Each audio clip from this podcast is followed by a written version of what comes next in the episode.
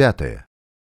Не адразу з пакваля міжволі ў душы ежы ігнація кучэўскага порая выспявала перакананасці ўпэўненасць што яму наканавана далучыцца да той вялікай працы якая распачыналася ў краі. Лічыў што нягожа быць простым сузіральнікам. Падзяліўся сваёй думкай з братам. Той аднёсся да яго слоў спакойна але пільна гледзячы ў вочы ежы прамовіў і я хачу уступіць у тайную арганізацыю. Што для гэтага трэба? Пакуль што толькі твая згода, падрабязнасці пазней. Ежы разумеў, трэба знайсці і падключыцца да нейкай канкрэтнай справы, а для гэтага пазнаёміцца з людзьмі, сваімі аддаленымі суседзямі, наладзіць з імі стасункі, высветліць іх перакананні, погляды, а потым ужо ім можна давяраць, весці ў наваколлі агітацыйна-тлумачальную працу. Найбліжэйшы сусед ежы памешчык Антоній залескі. Заможны памешчык моцна трымаецца на зямлі, але няскнарнага характару, не злы, памяркоўны, да сваіх сялянаў адносіцца добразычліва. Пра гэта ежы сам чуў ад людзей. Антоній мог з'ехаць на няпэўны час. Сяброўства цеснага ежы не меў, аб чым шкадаваў. Пазнаёміўся з ім колькі гадоў таму на штогадовым кірмашы. Проста паціснулі адзін аднаму руки, сказалі па некалькі слоў. А вось цяпер трэба было ехаць да яго без папярэдняй дамоўленасці і без запрашэння. Хаця, як помніцца, тады пан залескі гаварыў: будете праязджаць паўз мае межы, зазірніце, буду рад. Не так даўно у яго памерла жонка. Калі ежы пад'ехаў на брыдцы да металічных рашотчатых варотаў, яны былі расчыненыя. І гэта магло азначаць, што да пана залескага мог завітаць любы чалавек, можа нават і без запрашэння. Каля галоўнага ўваходу пазнаў адразу, гуляў міха з сястрычкай. Дзяўчынка весела смяялася, уцякаючы ад брата, показывала яму растапыраныя пальцы. Спыніўся каля іх, калі павітаўся, спытаў найперш: « А ці дома мае дарагія пан Антоній залескі. Татачка дома і ў яго шмат людзей, патлумачыла мальвінка, папраўляючы на галаве бялявыя коскі. А вы хто будзеце? А я ваш сусед і завуць мяне ежы. Вам мае падарункі. Лялька для мальвінкі, а кніга шляхціць завальня для малога пана Михала. Дзяўчынка абрадавалася, адразу прыціснула ляльку да грудзей. Міхась жа толькі паглядзеў на вокладку, ледзь заўважным кіўком галавы падзякаваў. Наганак выйшаў, мусіць, убачыўшы праз акно, што да яго завіталі госці, пан залескі. О пан ежы усклікнуў пазнаўшы свайго суседа прыветна гаспадар. Як добра што вы прыехалі. Мы збіраем мужчынскі гурт хочам праехацца па прасторах вялікага княства. Запрашаю і вас далучыцца дзякую пан антоній за запрашэнне. З радасцю прыму яго добра што вы праведалі мяне вельмі добра а цяпер праходзьце пазнаёмлю вас са сваімі гасцямі і жыхарамі, што жывуць у мяне. За прасторным сталом сярод вялікай залы сядзеў добры гурт людзей. Будьце знаёмы сябры мае. Перад вами ежы ігнацій кучэўскі порай, паклаў залескі руку на плячо ежы. Мой найбліжэйшы сусед. Жывём непадалёку, а сустракаемся рэдка. Вось сёння амаль першы візіт да мяне. Прысутныя схілілі на знак ветлівасці галовы. А цяпер я вам прадстаўлю нашу кампанію з усіх канцоў літвы. Ежы ляскарыс, выдатны паэт, любіць і апявае наш край. Ён пражывае пастаянна ў маім маёнтку касцюшышкі. Побач з ім мастак Михал Эльвіра Андрыёні таксама ў мяне жыве разам з ім ствараем нашы бессмяротныя творы. Спявак барнольдзі будзем слухаць ягоныя спевы. Уладыслаў дмахоўскі марыць быць рэвалюцыянерам каб скінуць ненавісны царскі прыгнёт над краем літвы і беларусі але ён яшчэ жывапісец жанрыст і графік ён сын вікенція дмахоўскага пейзажыста і тэатральнага дэкаратара яшчэ выдатнага ілюстратара. Якія выдатныя малюнкі зрабіў вікенцій да пана тадэуша цуд таксама да мяне наведваецца. Антоній абходзіў вакол стала і называў кожнага хто сядзеў за ім. Генрык дмахоўскі псеўданім у яго генры де сандерс барада ў яго магутная капялюх як у мексіканца удзельнік паўстання 1830-31 гадоў. Скульптар жыў у Францыі, ды не так даўно вярнуўся на радзіму. У Амерыцы, як жыў там, стварыў бюст тадэвуша касцюшкі і Тэда Джеферсона для кангрэса ў Вашынгтоне.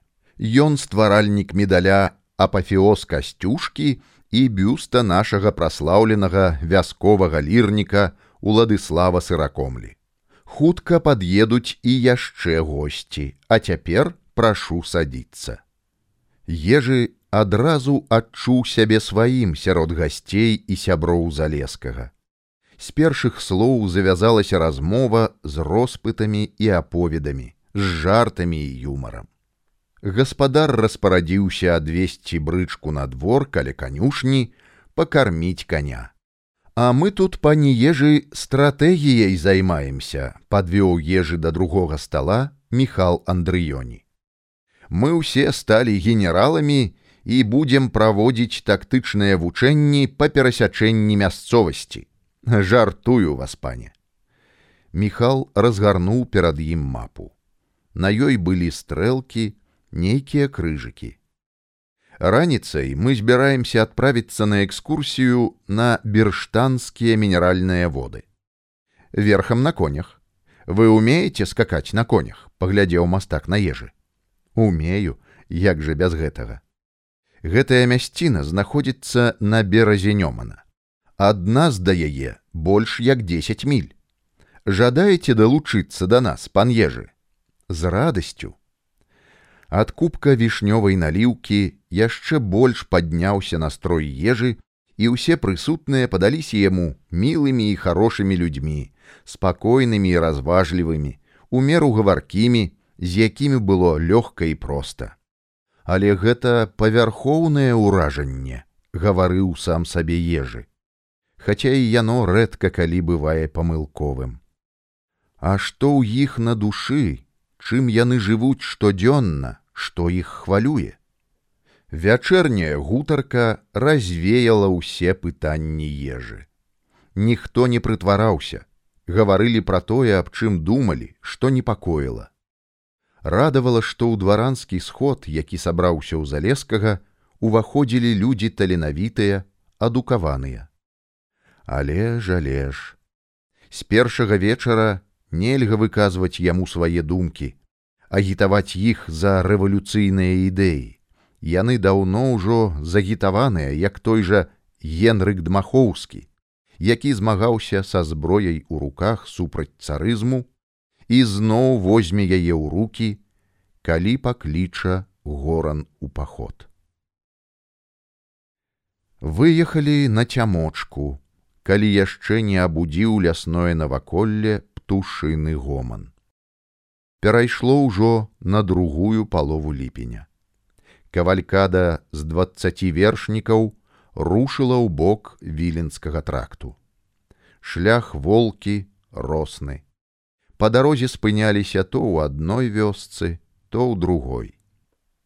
Залескага тут добра ведалі, куды не заязджаў, сустракалі хлебам соллю, выносілі гладышкі ў кіслага бярозавіку, настоянага на вашчыне і дзічках грушах. Квас з пограба, з лядоўні, і толькі крактала дваранства, зрабіўшы колькі доўгіх глыткоў, выціраючы мокрыя вусы. У берштанах таксама весела бавілі час. хадзілі па лесе, смакавалі маліны, спрабавалі касіць, попрасіўшы ў касцоў вострую касу. Вудзільнам рыбу лавілі і радаваліся, як малыя дзеці, калі выцягвалі на бераг паўпудовага ляшча.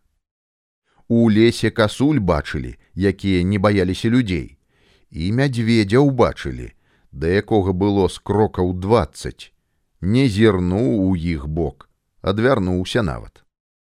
Пілі мінеральную ваду, гаманілі між сабой. Ежы прыслухоўваўся да спрэчак, сваё слова ўстаўляў, але галоўнага не выказваў, адцягваў той момант надалей. На трэці дзень прыехаў да іх корава, ляснічы ў троцкім павеце. І жыў ён непадалёк ад берштанаў у дусятах. Яны якраз былі ў клубнай зале, і гадзіннік паказваў дзесяць вечаровых гадзінаў. Пілі пунш, гулялі ў карты, спявалі песні. Корава пасядзеў побач з ежы, распытаў пра экскурсію, паўшэптам мовіў: запрашаю да сябе ў госці. Неабходна абгаварыць такія сякія пытанні. Неадкладныя пытанні. На іх не звярталі ўвагі. Кожны быў заняты сваім. Ежы удакладніў толькі. Прама цяпер і пойдзем? Так, да мяне тут зусім недалёка. Яшчэ не бралася на прыцемкі, таму дайшлі хутка. Дом ляснічага стаяў збоч дарогі, у цяністых прысадах сярод высокіх ліп. Бралася на дождж, бо днём дужа прыпарвала. Корава расчыніў перад ім дзверы, і яны зайшлі ў прасторную залу. За сталом сядзеў юнак і чытаў нейкую кнігу. Падаў руку, назваўся: Нестар Дюлеран. Я вас памятаю по варшаве, сказаў ежы.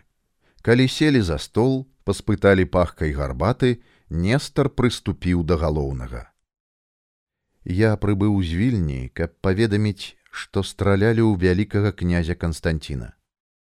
Але непрыемнасць заключаецца ў тым, што паліцыя ўзмоцнена адшуквае тыя рэвальверы, якія былі прададзеныя ў варшаве афіцэрам рэвальверы сістэмы бекера. Менавіта з іх і стралялі ў князя. Ежы недаўменна паглядзеў на юнака, нахмурыў бровы. Ну што з таго? Стралялі, якое я маю да гэтага дачынення. Дюлеран кісла усміхнуўся. Правільна, ніякага, але трэба зрабіць так каб яны ўсе былі на руках у паліцыі. Усе да аднаго. Ну і адзін з гэтых рэвальвераў пакінуў у вас корава. Дзе цяпер знаходзіцца той рэвальвер? Позірк у дюлерана праніклівы так і свідруе ежы у таго ж мурашы пабеглі холодны пот па спіне выступіў ён у мяне і належыць ён, як я зразумеў, афіцэру генеральнага штаба людвіку звяждоўскаму. Значыць, падазрэнне падае і на яго так? Вось іменна. Корава уздыхнуў, сашчапіўшы пальцы на стале. Што будзем рабіць? Нестар маўчаў, абдумваў становішча. Устаў, пахадзіў па хаце, зноў сеў. Выхад сябры мае адзін. Трэба, не губляючы ніводнай хвіліны, тэрмінова адправіцца ў вёску, узяць той рэвальвер і гэтак жа тэрмінова даставіць яго ў вільню. Ці ёсць які іншы план. Ежы ўсё зразумеў. Таму адказаў цвёрда і ўпэўнена. Няма іншага плана і выйсця. З кім мне ехаць? паедзе корава прыняў рашэнне нестар дюляран я застануся ў яго жадаў знайсці сур'ёзную справу а яна сама мяне знайшла падумаў з горкай іроніяй ежы ад яе выканання залежыць жыццё чалавека Вось і першае выпрабаванне для мяне. Корава падрыхтаваў каня, накінуў на яго збрую, пераапрануўся ў зручнае адзенне. Ужо добра змерклася, але ў клубнай зале гамана толькі набірала сваю моц. Ежы адшукаў позіркам залескага, попрасіў выйсці яго разам з ім на вуліцу. Мне тэрмінова трэба ў маю сядзібу, пан Антоній. Па гэтаму я прашу дараваць, што пакідаю вас. Здарылася што, ежа. Ды не, але мне трэба як найхутчэй быць дома. На ноч гледзячы, мо да раніцы клопат пачакае. Не, прама цяпер паскачам, галопам. Перадайце мае прабачэнні астатнім вашым гасцям. Усё ў вас было добра прыязджайце і вы да мяне. Добра, пан ежы, цяпер мы з вами сябры, не толькі суседзі. Так, мяне гэта радуе. Залескі паціснуў за плячо, прамовіў: Поспехаў, а справіцеся, прыязджайце да нас. Праз хвіліну ежы і кораву паглынула кароткая ліпеньская ноч. Адзін аднаго не бачылі ў цемры, толькі чулі, як б'юць капыты аб мяккую волкую зямлю. Праз гадзіну яны былі ўжо на месцы. А яшчэ праз паўгадзіны выправіліся ў адваротны шлях на вільню. Прыбылі туды пад абед. Людвіка звяждоўскага заспелі дома. Ён, убачыўшы свой рэвальвер, здзіўлена і абрадавана абняў іх. Сябры мае, вы так мяне выручылі. Цяпер ад мяне адпадзе падазрэнне, што я страляў у князя Канстанціна. Дякуй вам вялікі. Расчыніліся дзверы, што вялі на кухню, і адтуль выйшаў юнак, трымаючы ў руцэ аркуш паперы. Гадоў яму было за 25, строгі выгляд, вусны сціснутыя, таўсматыя. О, клеты, добра, што ты зазірнуў, пабачыцца хацеў. А з табою хто? Ежы кучэўскі порай. Ён далучаны да нашай арганізацыі.